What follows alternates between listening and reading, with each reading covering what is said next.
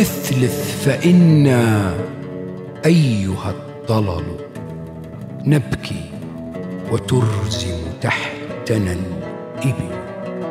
أولا فلا عتب على طلل. إن الطلول لمثلها فعل.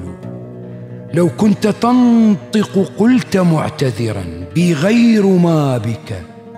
أيها الرجل. أبكاك أنك بعض من شغفوا لم أبك أني بعض من قتلوا.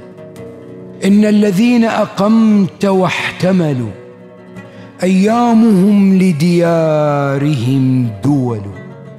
الحسن يرحل كلما رحل معهم وينزل حيثما نزل.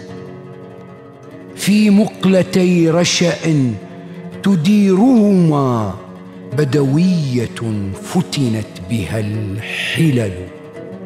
تشكو المطاعم طول هجرتها وصدودها ومن الذي تصل.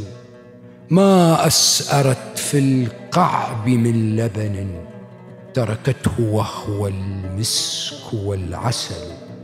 قالت ألا تصحو؟ فقلت لها أعلمتني أن الهوى ثمن.